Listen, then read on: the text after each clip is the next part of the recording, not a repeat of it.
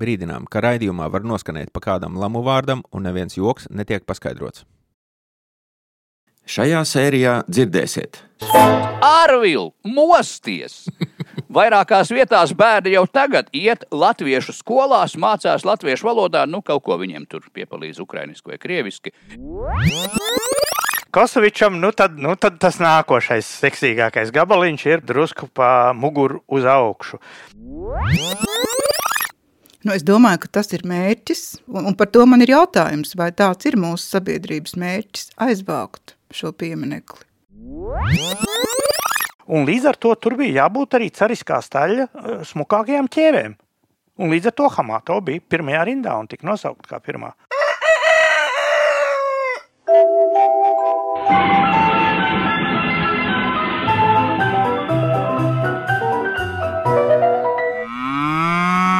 Jautājumi īsti provinces. Ja? Jā, jautājumi no provinces. Dzintris un Mārcis dzīvo laukos, bet nevar palikt vienaldzīgi pret valstī notiekošo. 26 nedēļas līdz vēlēšanām, mēnesis un vairākas dienas karš, karš arī pie mums. Tāpēc es vairs nesazinos ar saviem cīņu biedriem kaut kādās tur nieka telefona līnijās. Mēs esam noslēpuši savus lokācijas, vairs neziņosim, no kurienes mēs sazināmies. Mums ir citas metodes. Tā.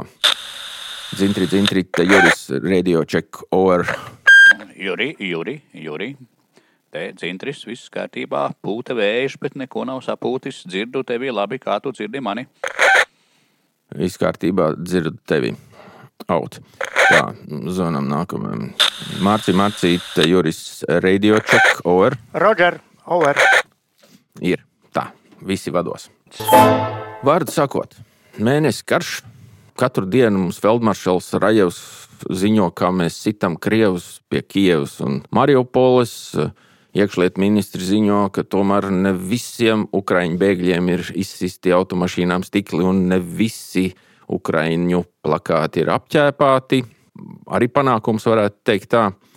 Nu, Galu galā mūsu valdība katru dienu ziņo par kārtējām uzvarām mm, Ukraiņas bēgļu frontē, es saprotu, Dzintri, arī tev ir ziņojums par šīm te uzvarām. Jā, es eh, kā nu varēdams vācu ziņas un viedokļus par to, kā tad mums iet ar šo Ukrainas eh, cilvēku izmitināšanas, izvietošanas, nomierināšanas modeli šeit Latvijā. Un to visu tā kā mēģinot apkopot nācu prātā man tie pārmetumi, ka te šad tad kādi saka, nu ko tu ņemies un tādā nopietnā raidījumā vēl ciekšā kaut kādu kuibižu veikalu, dīgdieģis, kuri tur kaut ko sakot. Um, Pirmkārt, tie vīri un sievas pie veikala zina par bēgļu visas sistēmas organizēšanu Latvijā apmēram tikpat daudz, kā piedodiet ierēģi ministriju gaiteņos. Un otrs, ļoti labi izkristalizējas tas princips, ka atjautība, kā kaut ko izdarīt Ukraiņas cilvēku labā, un kā izvingrot caur tiem dažādajiem likuma džungļiem. Un tur nu, vīri un sievas pie veikala ir atkal jāsaka gandrīz tajā pašā līmenī, kā cilvēkam tas tiešām būtu jādara. Tad te ir tāds neliels etīdes valsts un pašvaldību attiecībās Latvijā, kurš to darīs un kurš te nē. Tātad kara sākums. Šurp braucošo cilvēku pirmie desmiti un simti. Etīde. Valsts uz pašvaldībām. Dikti. Sēdēt, gaidīt, nemaisīties pa vidu. Pēc pāris nedēļām valsts uz pašvaldībām. Nervozi, pārmetoši. Kāpēc jūs nepalīdzat? Varbūt jūs nemaz neatbalstāt bēgļu uzņemšanu, ko? Sākumā no vairākām pašvaldībām, protams, varbūt ir citi viedokļi, bet es katrā ziņā dzirdēju tā, ka bija norādīts, lai visi sēž biksēs un neko daudz ar savām aktivitātēm nesprāgā. Valsts visu nokārtos. Vēlāk, kā izrādījās, tā nu gluži nebija. Pamazām tika iesaistīts pašvaldības nu, tāda doma, ka tas taču pašiem bija jāsaprot un sen jāsāk darīt. Situācija tagad ir tāda, ka pašvaldības nu, strādā kā nu kura māku, un tie rezultāti ir ārkārtīgi dažādi. Nu, piemēram, viens no viedokļiem - ādažos. Mērs Māris Sprindžuks uzskata, ka katrā pašvaldībā būtu jāveido savs Ukrainas kara bēgļu koordinācijas centrs, un tiem visiem jādarbojas pēc viena principa.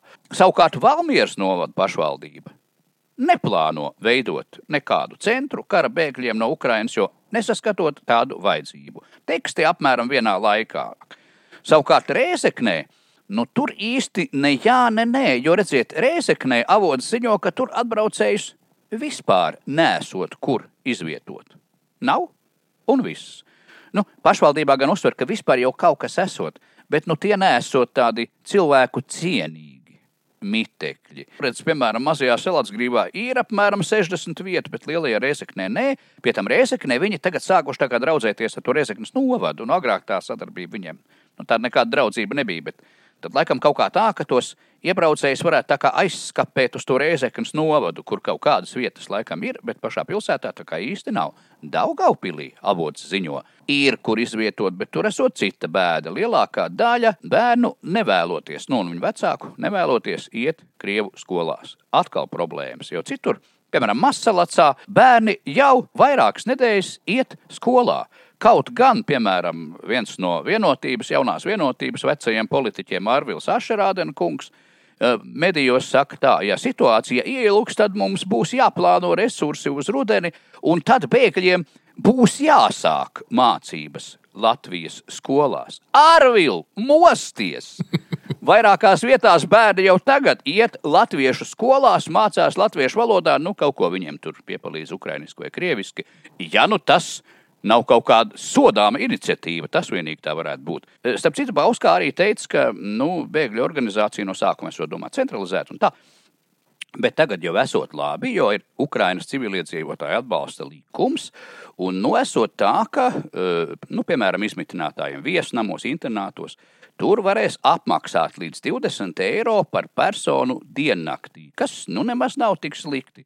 Uh, un par ēšanu, kur šīs ēšanas naudas griezti pa dienu, pa diennakti nemaz nav noteikti. Bet nu, tā jau nebūšot, ka 100 eiro par ēdināšanu dienā maksāšot. Lūk, daudz atsaucās uz šo Ukraiņas civiliedzīvotāju atbalsta likumu, ka tas nu tagad palīdz, bet izrādās ar to likuma izpratni ir arī tāpat kā pašvaldībām. Vieni nē, otri jā, trešie var būt. Nu, piemēram, 7. pāns noteica, ka valsts nodrošina iedzīvotājiem nu, kaut vai sabiedrības integrācijas fonds sniegto atbalstu Eiropas Savienības ietvaros, un arī avots ekonomikas ministrijā vēsta, ka SIFS Sabiedrības integrācijas fonds, par ko mēs te nesen runājām, izdala pirmās nepieciešamības preces un noteica, kuras būtu šīs preces. Avots SIFā Integrācijas fonds neko tādu nedara. Integrācijas fonds gan sadarbojas ar NVO un cer, ka tās beidzot varētu būt sadalījušas, kas ko darīs. SIFs turpina administrēt jau iepriekš zināmo vistrūcīgākajām personām adresētās nu, pārtikas un higiēnas preču pakas. Nekādas speciālas ukrāņu pakas nav dalītas, nav komplektētas un netiek arī plānotas. Par tām pašām iepriekšējām, nu, kas jau sen bija vistrūcīgākiem ļaudīm, Tur, starp citu, vajag krīzes izziņu no sociālajiem dienestiem. To tā arī vienkārši nedos. Eh, Rīgā esot it kā sākuši dalīt no 16. marta, bet tā kā ir vajadzīga šī izziņa, tad visticamāk nekādas pakas, nekāds sabiedrības integrācijas fonds vēl īsti nav dalījis, jo nav skaidrs, vai krīzes izziņas tiem nabaga cilvēkiem ir vai nav. Varbūt, ka drīz būs. Vēl viens 12. pāns - primārā atbalsta sniegšanas nosacījumi. Tātad Valsts līdz 90 dienām nodrošina Ukraiņas ļaudīm primāri sniedzamo atbalstu, izmitināšanu, ēdināšanu. No acīm redzot, kaut kā arī apmaksā. Atkal avoti divās ministrijās. Ekonomikas ministrija saka tā, pašvaldības informāciju savāc, nu, kas kur dzīvo, cik daudz un tā. Ekonomikas, izglītības un labklājības ministrijas saskaņo, laiciņš iet vai ne, bet nu labi, lai saskaņo. Un varam Vides un reģionālās attīstības ministrija apmaksā tos čekus, tā skaitā manis minētos. 20 eiro diennaktī par cilvēku izmitināšanu un tur vēl pa ēdināšanu. Ekonomisti apskata, vai ir pareizi, varams apmaksā. Avots varamā. Varams neko neapmaksā. Bet nu, Dievs ar tām pārtiks pakām. Interesantāks ir jautājums, kurš apmaksā rēķinus. Nu, šeit tā situācija ir arī, nu, jāteic, ne ar ko neatšķirs no situācijas pie kuģiņa veikala, kuram jāmaksā, jo augi. Avots ekonomikas ministrijā apgalvo, ka maksāt nu, par Ukraiņas civiliedzīvotāju izmitināšanas un ēdināšanas pakalpojumiem noteiktā secībā būtu varam vidas un reģionālās attīstības ministrijas pienākums. Savukārt avots varamā teica, jā, jūs uzminējāt, ka apmaksāt rēķinus ir ekonomikas ministrijas pienākums. Un jūs vēl sakāt, ka es pārāk bieži piesaucu kuģiņu veikalu ar kaut kādām vienkāršām lietām, teiksim, kuram jāskrien pēc jauna alus. Ar ko situācijas atšķiras? Nu, varbūt kā ar naudas summām, kas tiek vai netiek izpreparētas. Apmēram tāda ir tekošā aktuālā situācija iz provincēm un arī dažām iesaistītajām ministrijām. Divas lietas. Pirmā, ka risinājums, protams, būtu uztaisīt iepirkumu uz juridiskā stāvokļa ekspertīzi. To varētu diezgan ātri, es domāju, mēnešos astoņos nobumbot. Un tad varētu uztaisīt tomēr to IT sistēmu. Nebalstīt viņu tajā vakcinācijas biroja, taisīt jaunu, normālu par miljoniem 20 un nu, līdz kādam 30 gadam varētu būt gatavs. Jā, Mārcis, un uh, šī jaunā likuma gaismā jau iepirkumi, kas saistās ar Ukraiņas cilvēku izvietošanas lietām, ir nu, tādi daudz, daudz liberālāki nekā mūsu jau iepriekš esošie liberālie iepirkuma noteikumi. Visburvīgākais visā šajā situācijā ir, ka runa par naudu, kurš ko maksās, bet tā ēnā mums klusi slīd tāds tēls kā finanšu ministrija, kur neko nemaksā, un vispār viņai ņipri čomši tajā visā. Viņiem kaut kādas savas ģēles tur laikam tikmēr ir. savas ģēles! Krāmēties kaut kādiem ukraiņu bēgļiem. Brīnišķīgi. Ejam tālāk. Man šķiet, ir pienācis īstais laiks un īstais brīdis beidzot tomēr pieņemt to dzīves biedru likumu. Jo valstī ir jāiesaistās un kaut kā jāpalīdz visādajām ģimenēm. Jo, citādi var iet dziļumā šī dzīves biedru drāma, kas te pagājušajā nedēļā uzšķīlās attīstībai par visādajā ģimenē. Pirms es dodu vārdu ģimenes terapeitam Mārcim, gribu piekodināt, atgādināt Mārcis tev, ka mūsu raidījumā stingri ir jāpieturas pie pareizajiem personu vietnieku vārdu lietojumiem. Es atgādinu, attīstībai ir he, his. Kuivižiski tas ir viņš un viņa. Šis šī. Tā Vai, ir. vai, Nu, tas ir sorry, labi. vai tā nebija biedrība attīstībai? Attīstībai Šī viņš. Viņš, Nē, nav, mums viss nav. Mēs sāksim raidījumu citu. Tas ir Vēnspildiekiem, lai viņi iet ko vi- ko iet- iet vižos kaut iespējams visi viši, bet, Labi, bet, Mums nu, ir viņš, viņš. bet Mums attīstībai ir visi ir viņš ir- viņa, nu, Labi. biedrība. Nē, nav te vispār. Piedodiet, vīri, ko viņš pusē nekāda viņa nav. Viss ir viņš. Nu, Vai viņš. tas sievišķis ir traks palicis? Jā. Jā. Viņš tak to veids ārā izzina. Tad, tad, un tieši tāpēc es gribu atgādināt, ka par ir šī un her, kas kuģiski ir Atkal. Viņš, viņš. Viņš. Viņš. Viņš. Viņš, viņš.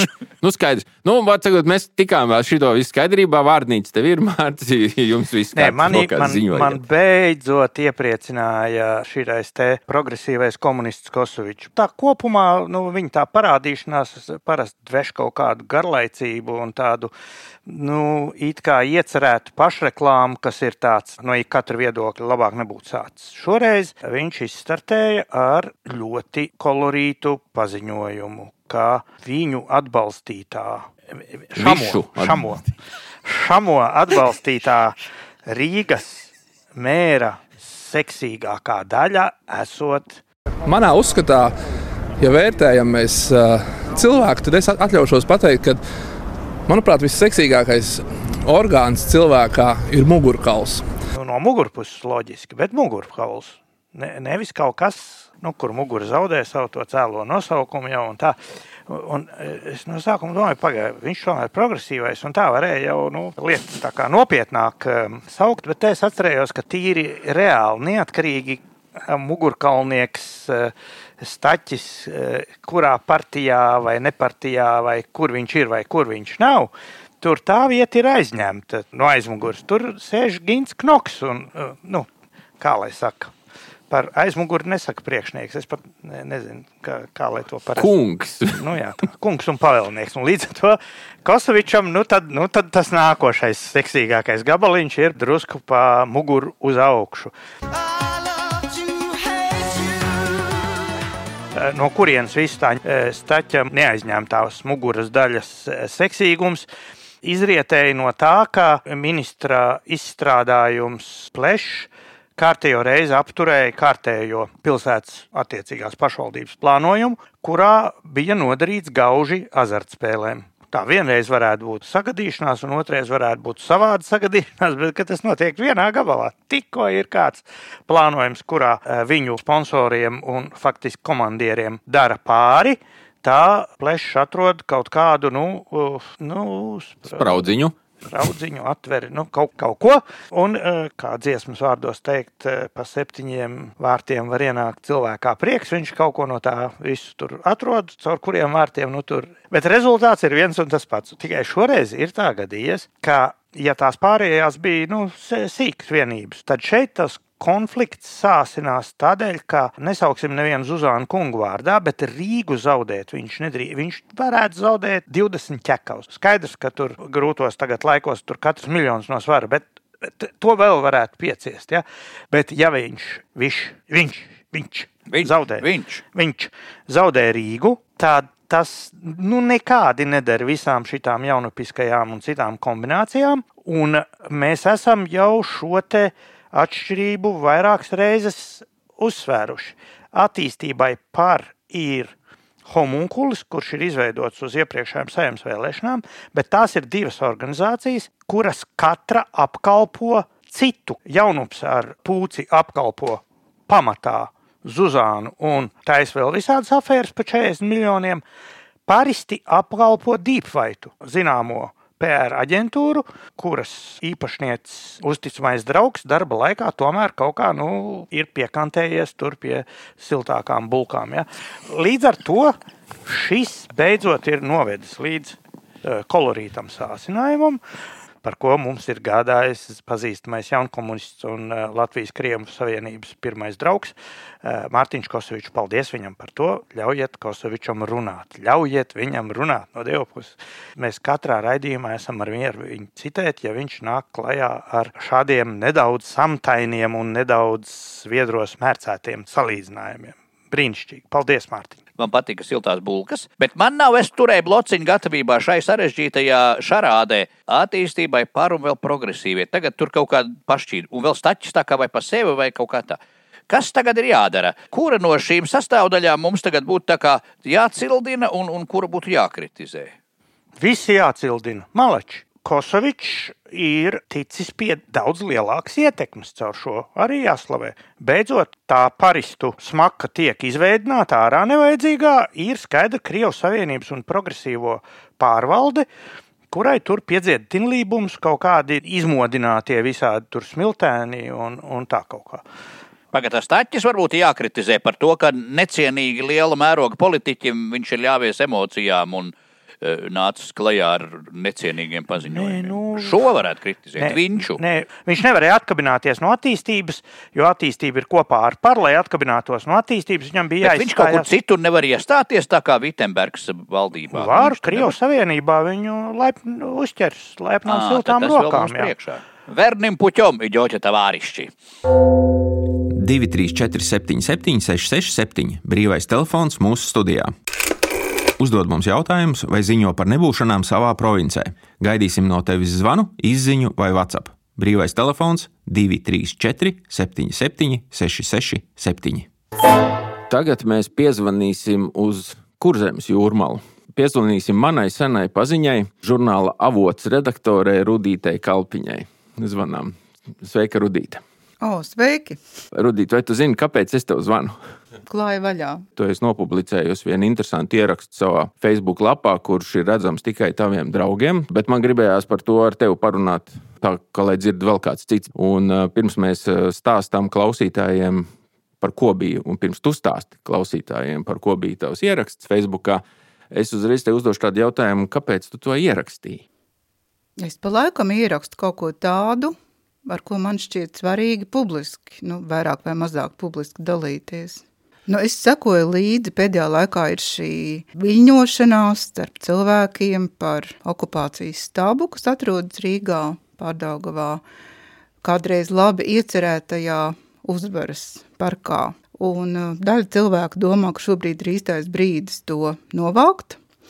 Ukrainas uh, spars, gars un Krievijas rīcība Ukrainā tos ir iedvesmojusi. Cilvēkiem arī šķiet, ka beidzot ir laiks izslieties ar taisnu muguru, jo tā ir tiesa, ka mēs Latvijā visus šos gadus vairāk vai mazāk tomēr dzīvojam ar tādu ievilktu elpu un aizturētu elpu. Un, teiksim, šis piemineklis kā simbols tam, ka mēs neesam atbrīvojušies pilnā mērā no Padomju Savienības posma, no okupācijas posma, būtu tas īstais punkts, ko pielikt, lai mēs uzelpotu brīvi, bet te pašā laikā mēs redzam, ka ir ļoti daudz cilvēku mūsu pašu paudzē, Juri, un, un arī citās paudzēs, kuri domā citādāk. Man tiešām likās interesanti paskatīties, kā noritēja tie procesi 90. gadu sākumā, jo ir jau aizmirsies. Man, man nebija tāda tieša nodoma, vienkārši kaut kā viss saslēdzās. Imants Udmaļa piemineklis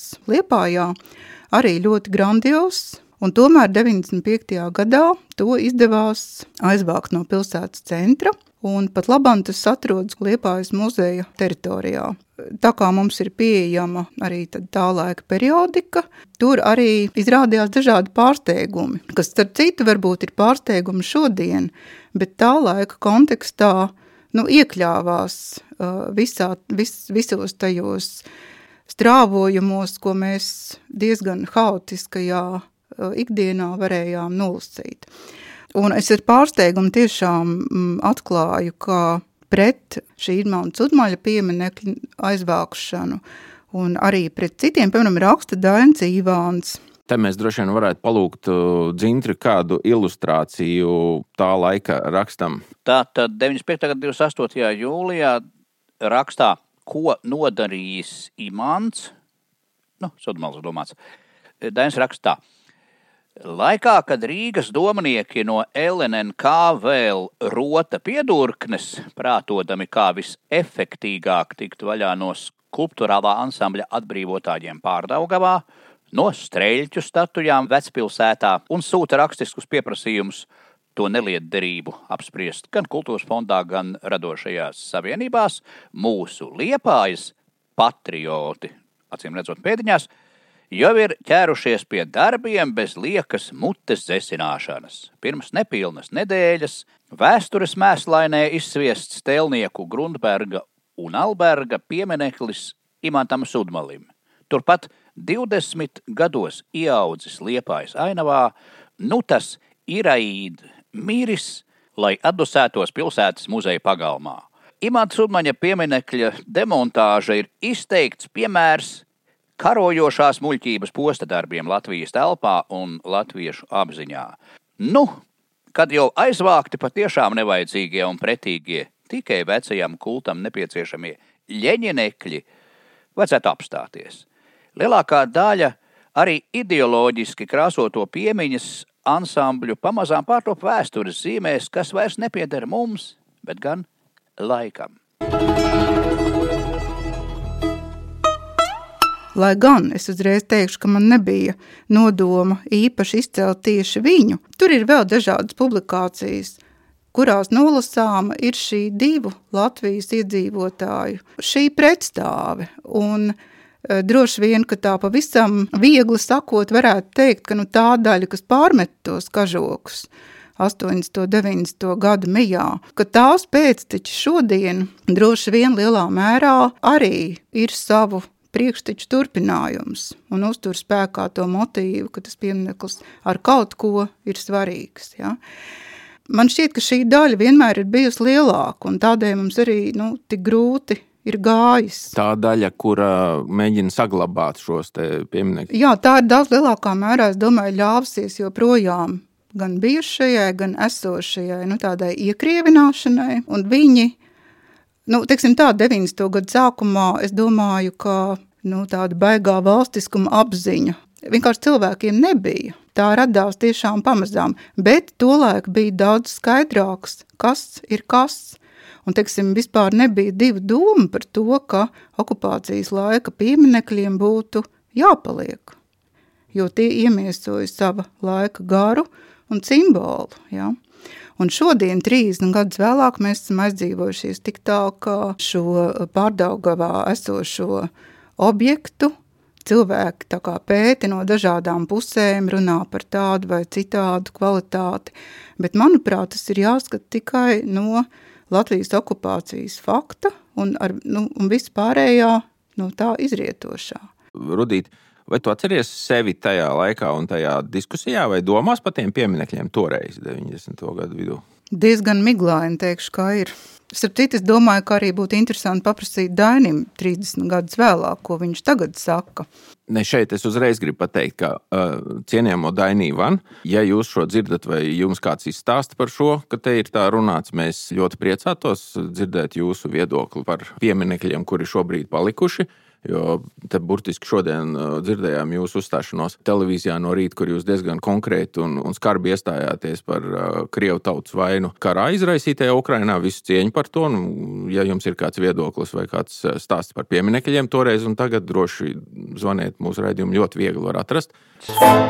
Var sakot, toreiz un tagad. Kas toreiz bija savādāk nekā tagad? Vai bija kaut kas savādāk? Es jau teicu, man šķiet, ka bija tomēr sabiedrībā lielāka skaidrība par to, ka okupācijas laika pieminekļi ir jānovāc. Tagad šīs skaidrības vairs nav. Es domāju, ka tās Daņa Ivāna publikācijas rāda ārkārtīgi simptomātisku maldīšanos. Dainis 2022. gada martā ir pavisam cits Dainis nekā 82. gada martā, un tas ir normāli. Ir sācies karš, un karā nav vairs ku palikt niansēm tik daudz. Karš ārkārtīgi krasi sāk dzēst nianses, pustoņus, pārējais, visādus pieļāvumus. Ja nu tā, ja nu šitā, un tad jāpastās vēl no tās. Ir karš, un šķiet, ka Dainis ir nu, vismaz cilvēks ar nu, īstenībā, kā saka, progresīvu komunistu pagātni, ir 40 gados nostājies tajās pašās pozīcijās, kurās es tagad stāvu. Ja? Un ņemot vērā, ka viņš bija publicists, un publicisti spēja parasti caur savu prizmu tomēr izlaist to sabiedrisko noskaņojumu. Un šeit tas viņa viens teikums, ko Zintris nenocitēja, bet man tas šķiet ārkārtīgi indikatīvs. Tas ir no 95. gada. Ja? Es citēju tagad. Ideoloģiski aktivizējošo lomu zaudē 95. gadā ideoloģiski aktivizējušo lomu zaudē nesenā interfrontes rituālu vieta pārdaugavā. Zaudē. Mēs tagad pēc 20 un vairāk gadiem mēs redzam, kā viņa ir zaudējusi. Tā ir ieguvusi abnormāli augstu rituāla vietu, ne tikai interfrontisku, bet kaut ko vēl daudz sliktāku. Tas ir publicists Dainis Ivāns 95. gadā bija ārprāt optimistiski noskaņots par to, ka jau viss ir garām, ka 3-4 gadi pagājuši un viss ir cauri un dekomunizācija būtu notikusi. Nekas nav noticis. Ir kļūst pa pēdējiem, it īpaši desmit gadiem, izteikti sliktāk. Un tas ir jāņem vērā. Kāds atceras, vai 90, nu, te kur viņš rakstīja, 94, 5, 6 gads, mm, Tad bija tikpat milzīgi tie, tie 9. māja sabantuji, vai, vai tad viņi nebija tik izteikti kā, kā tagad? Tas ir uzkurināts uh, sinhroni ar to, kas notiek Maskavā. Man šķiet ir kaut kāda 2005. gadu, ja, kad bija kara beigu gada diena. Un tad tas aizvien tikai nu, akumulējās aizvien, aizvien spēcīgāk. Pretēji tam naivajam noskaņojumam 95. gadā, ka te kaut kas iet uz galu, paliek tas, ko mēs esam apsprieduši kādā no iepriekšējām sērijām. Tāpat kā brīvības piemineklis bija atgādinājums tam, ka ir bijis kaut kas cits un iespējams būs kaut kas cits. Tā šis ir viņu simbols. Kā vēl viss varbūt nokārtosies ar šitiem suņu pusvācu fašistu valodā runājošajiem, vēl atlikušajiem iedzimteņiem, un ka nāks beidzot īstā Krievu pasaule. Tas ir tas, Bet... kas viņus uztur. Bet vēl kāda bija šī ieraksta doma parādīt, ka kāda pieminekļa aizvākšana ir bijusi iespējama un kas, kā tas ir noticis, kā sabiedrības to ir reaģējusi un ka to ir iespējams pārdzīvot, piedzīvot un tā sakot, kas no tā ir iznācis. Un liepainieki daži, kurus es mudināju tur arī nu, kaut ko komentēt, Mm, Piemēram, Aigars Stāls ir diezgan skaidri uzrakstījis, ka tika veidots prezidenta Čakstas laukums. Tā vairs nebija vieta, kur sanākt šiem cilvēkiem. Tātad šis ir, teiksim, provincē, ja, ja mēs paspēlējamies ar rādījumu nosaukumu, tātad vienā provinces pilsētā, to pietiekam lielā. Vai kā šitais liepainiekiem nepatiks? Par to provinci? Nu, man arī sāp No, no labi viņa ņem skatu ārā. viedokļa Rīga provinces centrs jau ir. Sauksim tā, provinces galvaspilsētā. Nē, tā galvenā doma ir tāda, ka ir viena pietiekami liela pilsēta, tobrīd ar pietiekami lielu krievu kontingentu, vai to ir iespējams izdarīt? Jā, jā tā tad sekas ir tādas, kādas visticamāk būtu arī Rīgā.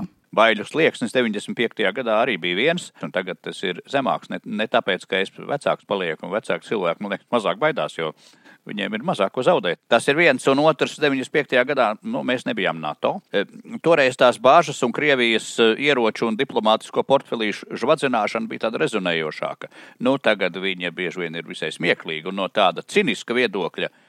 Arī tad man šķiet, ka tagad ir tas īstais laiks nokārtot lietas, kurām agrāk mēs daudzi, tostarp kolāta kungs, bija pabailīgiem. Es runāju par okupācijas pieminiektu demontāžu.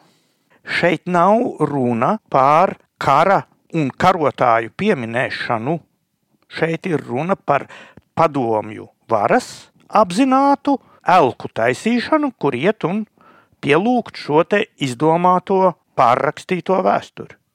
Vai tu atbalstītu mm, tādu risinājumu kā Jēkabīlī to? Nu, tik daudz es saprotu, ka šeit tiksim, tas, tas, tā, tās tonāžas ir par, par lielu. Laikam. Nu, bet mēģinājumu.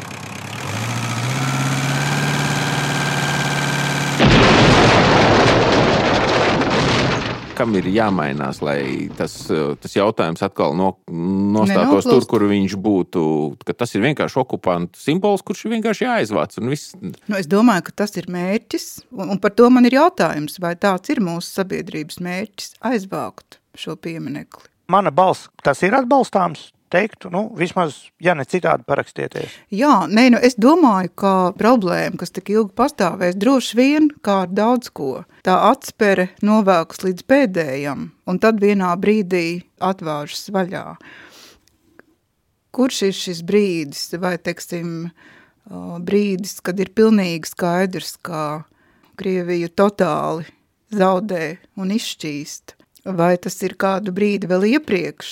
Es nezinu, man... Bet mēs tā kā tomēr gaidām, vai tā Krievija nebūs tik stipra. Ja, ja mēs ne, tā kā paši nevaram to soli, mums tā kā vajag saprast, kāda tā Krievija. Nē, es tev vienkārši stāstu, kā tas uh, šobrīd izskatās. Nu, teksim, cilvēku izpausmēs, sociālos tīklos un tam līdzīgi. Uh, Es, piemēram, nepārzinu struktūras un vienības, kas to tīri tehniski varētu izdarīt.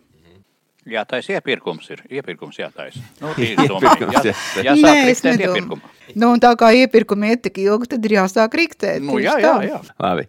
Paldies mūsu viesņai no Kurzemes jūrmalas par to, kā viņa turpina šo te sarunu, kur nav beigusies. Un vēlreiz atgādinām Dainam Ivānam, ka ielūgums izteikties mūsu raidījumā par šo tēmu paliek spēkā. Nu, un ejam tālāk.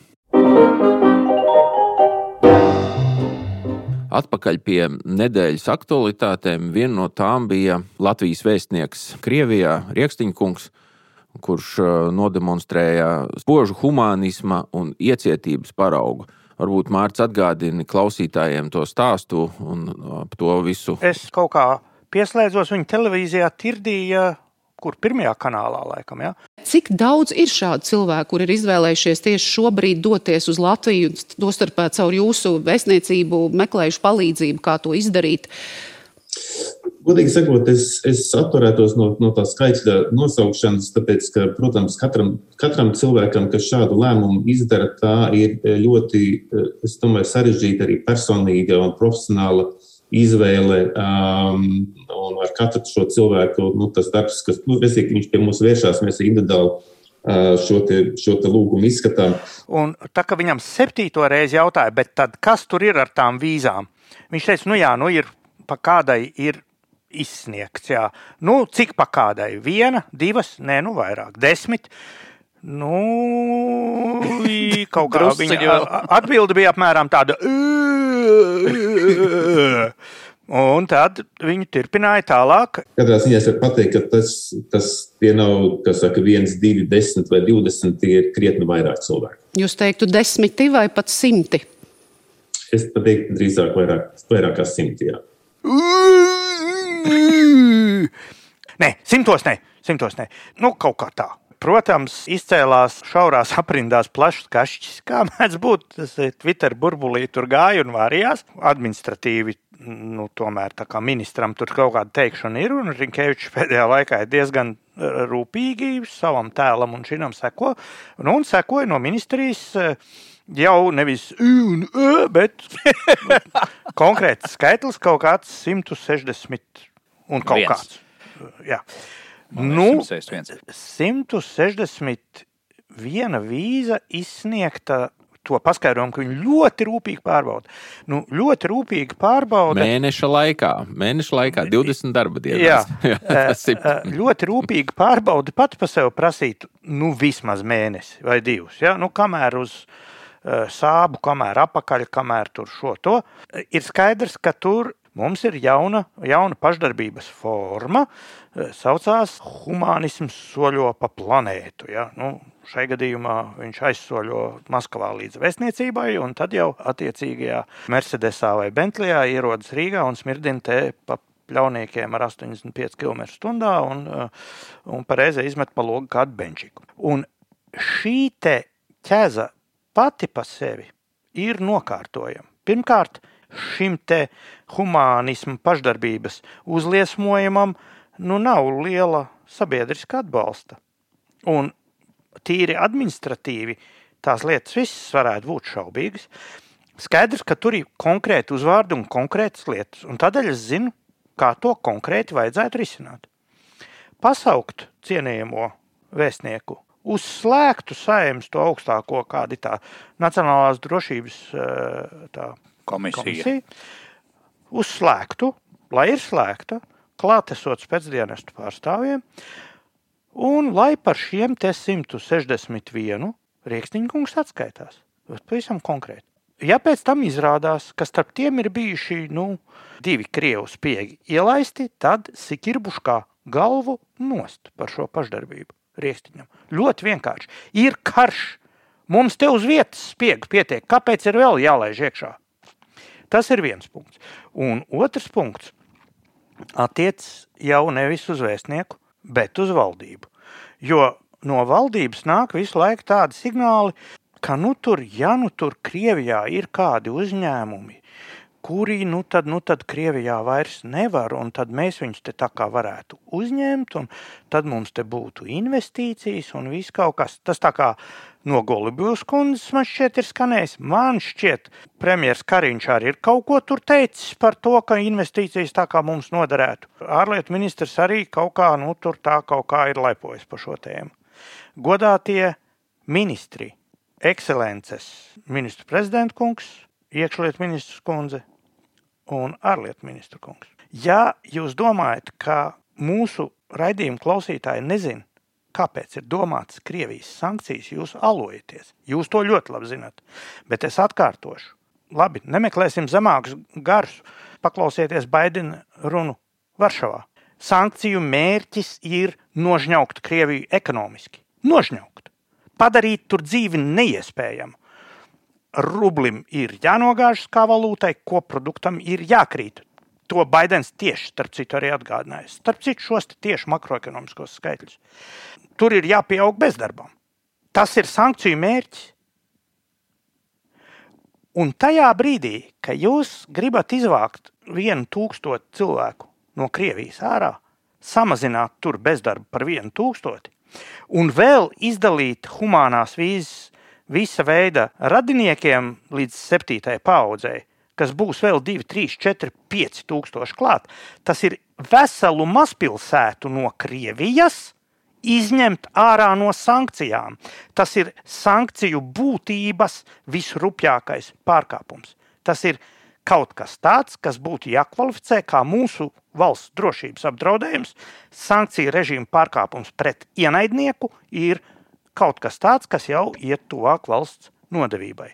Un šajā brīdī tik tiešām internetā tās ziņas ir atrodamas, par ko īsti ir runa. Runa ir par lielu vācu uzņēmumu, labi, sauksim vārdā, vai nesauksim Deutsche Telekom, nesauksim vārdā, ja, DT, kas ir monstruozi liels uzņēmums, un kuram cita starpā ir meitas uzņēmums arī Rīgā, un cita starpā ir meitas uzņēmums arī Krievijā, šķiet Pēterburgā. Un tur strādā tie programmisti un IT cilvēki, par kuriem te kaut ko elsoja tā, ar piedvesmu Golubevs kundze un piebalsoja Kariņa kungs par tām investīcijām, kas nāks. Konkrēts uzņēmums, par kuru raksta speciālajās, speciāl, ne, ne plašajā presē, bet specializētajās mājaslapās, ka viņi savu darbību Krievijā pārtrauc un piedāvā programmistiem, vietējiem, krievu programmistiem, pārvākties uz darbu Eiropā. Un acīm redzami, tuvākā krievu filiāle tomēr nebūs Vācija, bet izskatās, ka būs Latvija. Un caur to, ka mēs palīdzam šiem te cilvēkiem risināt viņa bezdarba problēmas, mēs palīdzam Puķinam risināt viņa sociālās problēmas, kuru sāsināšana ir sankciju mērķis. Godātie valdības locekļi, mēs šim sekosim. Un, ja izrādīsies, ka caur murkšķēšanu par kaut kādām mistiskām investīcijām ir vienkārši domāts atvieglināt likteni Krievijas sankcijām pakļautajiem, tad ziniet, tas tā nepaliks. Mēs to tā neatstāsim. Te skan jautājums no provinces. Telefona radio raidījums, kuru Latvijā klausās katrs ministrs un katra deputāte. Nepaliec par vientulīti arī tu. Noklausies pats, pārsūti raidījumu radiem un pastāsti kaimiņam, ko dzirdēji jaunajā sērijā. Izglābi draugu no garlaicības un nezināšanas, uzaicini viņu raidījuma klausītāju pulkā. Iepatikās mums par to humanismu, gribam vēl parunāt. Mums Mārcis ir sagatavojis tādu vēsturisku atskatu pagātnē. Visnotaļ eh, humānos apsvērumos balstīts materiāls no tevis, Mārcis. Kā zināms, pēkšņi uznāca atklāsme Latvijā, ka pazīstamā Puķina vēlēšanu kampaņu seja un acīm redzama tuvu draudzene aktrise Hamatova ir tūlīt jau ir tikpat kā latvietē, nu, kamēr nav tikmēr viņai pieskaņos repertuāru krieviski, jo mums pamaz krievu valodas ir Rīgā, kā zināms, jā, tikpat kā iznīkus, jā. Un eh, tad, eh, nu, Hermans darīs to labāko, lai noparkotu šo te eh, drostaliņu pie sevis. To stāstu visi būs pamanījuši, Un eh, es gribētu iedot nedaudz vēsturisku fonu, lai jūs saprastu, cik apbrīnojami, nelietīga un perversa ir visa šī runāšana. Tātad Hamatova ir Krievijā populāra, iecienīta aktrise, daudzu balvu saņēmēja un ir bijusi izšķiroši svarīga Puķina priekšvēlēšanu kampaņas seja. 2010. gadā nu, viņi tā tik pārliecinoši nolaida, ka tur zāle неауга. Владимир Путин ни разу не остался равнодушным ко всем просьбам фонда «Подари жизнь» и врачей, которых фонд поддерживает. Все обещания, данные Владимиром Путиным фонду «Подари жизнь», всегда были выполнены. Помощь должна быть осязаема. Поэтому Я budu голосовать за него. Bez viņas atgādināšanas par viņas pienesumu Puķina noturēšanā pie varas, protams, viņi ir nu, tur pirmrindniekos.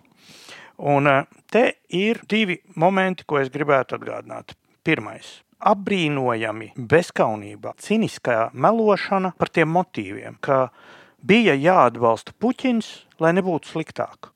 Starp visu citu, to arī viņas tagadējais patrons un sponsors Saulis Hermans faktiski tajās pašās Jūs saprotiet, mums ir arī pieejama dzīva Alvi Hermaņa balss, kurā viņš pazīstamai Krievu teledīvai Sobčakai, kura savu uzvārdu ir dabūjusi no tēva Sobčaka, kurš bija Pēterburgas mērs, kuram Puķins nesāja čemodāniņu un kura aiziešanu bija veicinājis.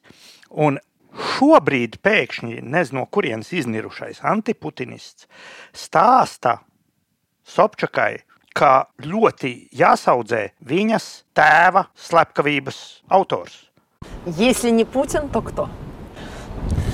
Ну, ясно, ясно одно. Может быть намного лучше, но может быть намного-намного хуже. Если в один день с вашим президентом, не знаю, он в ванной комнате поскользнется и разобьется, тогда, я думаю, э, весь, весь остальной мир будет очень испуган. С кем из умерших людей хотелось бы поговорить? Сталиным. Я хочу понять, понять изнутри. А что бы вы хотели понять про него? Таких людей, которые э, повлияли на судьбы сотни, сотни, ну там миллионов людей, у них э, все-таки, э, я уверен, есть какая-то, не знаю, какое-то косми космическое прикосновение. Ja nebūtu Puķina, kas tad būtu? Tas ir tā kā Orvela zvēra farmā. Jūs gribat, lai atgriežas Džons? Jūs tā gribat? Uz brīdiņu padomāsim, kas būtu bijis, nu, ja nebūtu puķins. Tad varbūt dedzinātu grāmatas. Ā, atvainojiet, dedzina. Tad būtu karš. Ā, bet tieši Puķins ir visefektīvākais Krievijas novedējs līdz karam. Tas ir atrunāšanās, ka tad būtu sliktākas, jau ir vienkārši jau tādas viegli zaigojošas debilitātes zirgstels. Так, а Россия для вас с чем ассоциируется? Россия? Да, три вещи. Женя Миронов, Чулпан Хаматова. И третье? Сердце XXX large size stāsti par to, ka pēc desmitā gada ņūņi, ka tajā reizē kaut kā ot, tur pusotras colas, un uh, es, es jūtu, ka Zintrs zina, ko tas nozīmē, un Jurks kā jaunāks cilvēks tautas anekdotas nezina. Zinu, zinu. Zini, jā, okay. Jo pusotras colas. Bez rupjībām. Es arī saku, pusotras colas neskaitās, vai ne, kas tur jā. tur vai ne? Nu, jā, protams. Jā.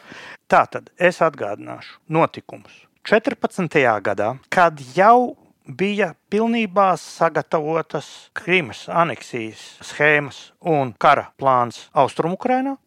Pirms tam bija milzīgs, fejerisks, ārprātīgi dārgs šovs, Puķina reputācijas, tēla, Krievijas varenības un visa šī stiprināšanai. Visdārgākās Olimpiskās spēles uz to brīdi pasaules vēsturē, kur pirmotnējā tām jau bija 13 miljardi, un oficiāli viņi iekļāvās šķiet 50 miljardos, bet tas pilnīgi noteikti ir samazināts skaitlis. Un viss šis pasākums bija virzīts uz Puķina slavināšanu, uz Krievijas impērisko ambīciju stiprināšanu, un pats Puķins un viņa visa saimniecība tur bija iegūlusies kā pasākumā numur viens. Notikums ir 14. gada februāra sākums. Atgādināšu, Krima sākās martā. Ja? Tūlīt pēc tam. Tātad Kas tur notika? Cita starpā. Tajā laikā asprāši interneta palaida tādu joku. Reku puisis uztaisīja meitenei olimpiādē lāpas nešanu. A, ko tu esi uztaisījis savai meitenei? Ko tu esi izdarījis savai meitenei? Puisis bija domāts, protams, prezidents Puķins. Un atklāšanas parādē lielāko gabalu ar lāpu noskrēja neviens cits kā Puķina Nu, kā tagad, lai uzmanīgāk pasakā? Tobrīd topošo bērnu mātē. Alina Kabayeva, Olympic champion in rhythmic gymnastics. Алина Кабаева, олимпийская чемпионка по художественной гимнастике. Neapšaubāmi fiziski Puķinam vistuvākajai personai bija atvēlēts tas lielākais gods. Ja? Tie, kas tur nesa to lāpu, to apli. Ja? Visi bija no sirds puķina atbalstoši cilvēki. Tātad tur bija Vladislavs Treķeks un Irina Rodņina. Šie vārdi manas paudzes uh, cilvēkiem ļoti pazīstami. Kas viņiem kopīgs? Kopīgs ir viņu ilgadīga, es pasvīroju nevis kaut kāda, bet ilgadīga atrašanās Krievijas valsts domē, deputāti no vienotās Krievijas, uzticami deputāti, sirsnīgi aizstāvējuši, ko vien varēja aizstāvēt, ieskaitot tā saucamais antimagnitska likums. Tas ir tīrs puķinistu, lojālistu pasākums. Tas ir lāpa. Pēc tam Nākošais punkts. Nu, tad nāk karoks. Karogu nes arī droši vien loģiski būtu astoņi ziemas sporta pārstāvji. Ja? À, izrādās, karogu kā pirmā tiek nosaukta un kā pirmā rindā stāv. Le drapeau est porté par Chuplan Hamatava, actrice et artiste du peuple de Russie. The flag is carried by Chulpan Khamatova, actress, people's artist of Russia. Знаменосец Чулпан Хаматова, народная артистка России. Hamatova ne 10. gadā, 14. gadā. Nu, tur ir fantastiska tā kompānija. Tur ir uh, Valentīna Tereškova. Un viņa ir tā, kura ar savu autoritāti pateica, ka vajag obnuļiķi, ka vajag nonullēt visus iepriekšējos Puķina prezidentūras termiņus un sākt pa jaunam. Tas ir uzticamāks cilvēks vispār Puķinam būt nevar nu, aiz šīs te lāpnešotās um, alīnas. Ja? Tā tad tur ir Valērijas Gergievs, Tur ir Nikita Mihalkovs. Nu, kāds impis ir Mihalkovs, es domāju, to visi mūsu klausītāji zina. Vienkārši nu, jau uz marazma robežas viņš stāstīja stāstus par saindētajiem putniem pārliecinošāk par Lukašenko. Pilnīgi murgojošs, 100,1% puķinists. Cita starpā tur bija arī Vjačeslavs Feķīsovs. Un es tā pārskrēju, tā kā es to sarakstu apstījos, pārskrēju domām, pagā. Bet es neatceros, ka viņš būtu domas deputāts bijis. Un pareizi, viņš bija ministrs Puķina. Viņš bija sporta ministrs. Un pēc tam, starp, un līdz šai dienai, viņš sēž augšējā palātā. Viņš ir senators. Un plus tam visam pārstāvis antidopinga aģentūrā, kas pats par sevi aizkustinoši. Ja? Nu, Puķina darbība antidopinga jomā ir uh, atsevišķa tēma.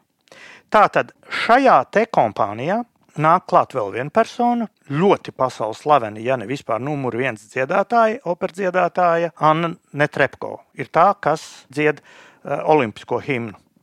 Tātad tur ir ģērģievs un Netrepko.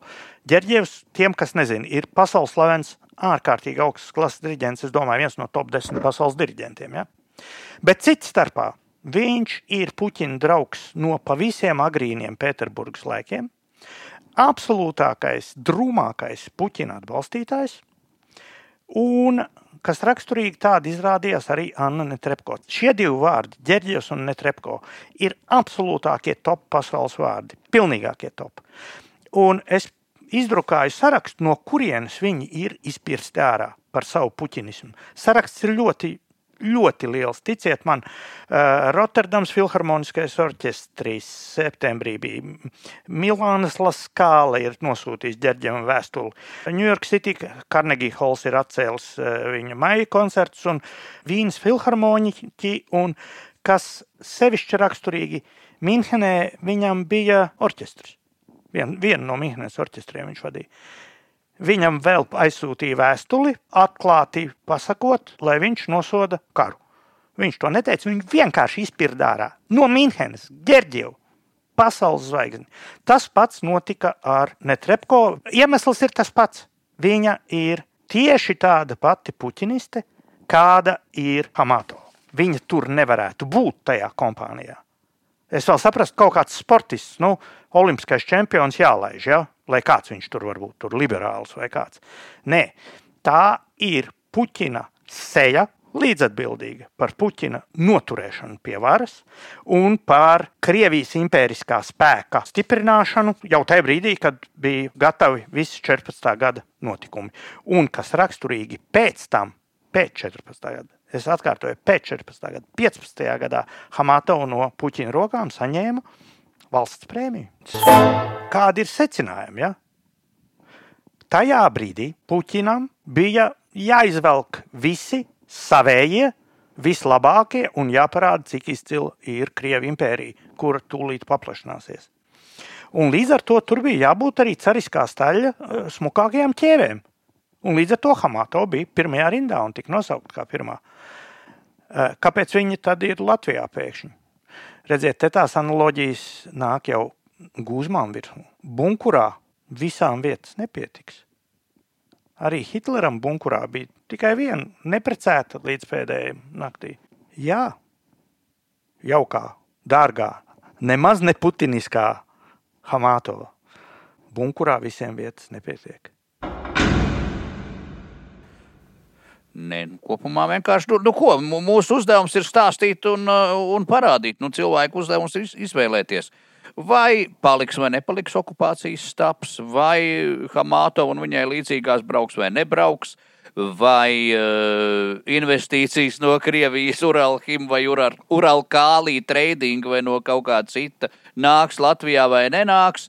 Mēs to īsti nevaram noteikt. Tas ir valdības un sabiedrības rokās. Tas mūsu uzdevums ir žļabināt par dažādām lietām, kas mums liekas dīvainas un pēc savas būtības pilnībā nepieņemamas. Un parādīt, ka tagad ir īstais brīdis, lai punkts viens izdarītu daudzas lietas, un punkts divi pārstātu darīt daudzas citas lietas, ko mēs, un droši vien arī es, līdz šim esam darījuši. Mīļā, miera labāk. Jo karš nav tur kā rakstīja Gēte, tur tāļu turkos, nezinu kur, karš ir tepat, tepat, tepat. Ko mēs bez tevis, Dzintri, darītu? Kā mēs varētu pabeigt šo raidījumu, ja, ja tevis mums te nebūtu? Bet ir. Labi, paldies, ka atvien, atvienojamies. Slēdzam ārā savus slēdzam ārā savas rācijas, neaizmirstam nomaskēties zem tīkliem un, un pa, pa nakti gaismas istabās neslēdzam. Ja? Ievērojam klusumu ēterā kādu brīdi. Iespējams, ka daž, tikai dažas dienas, jo tiek gatavots pārsteigums, mūsu speciāla izlaidums. Klausītāji var jau uzmanīties, var, var nedēļas nogalē paskatīt internetā, vai tur pēkšņi nav iekrits kas jauns. Un šajā kompānijā, acīm redzot, tiekamies nākamajā nedēļā, nākamajā trešdienā. Visu labu! Turām pozīcijas. Slepeni. Maskējamies. Maskējamies noskaidro.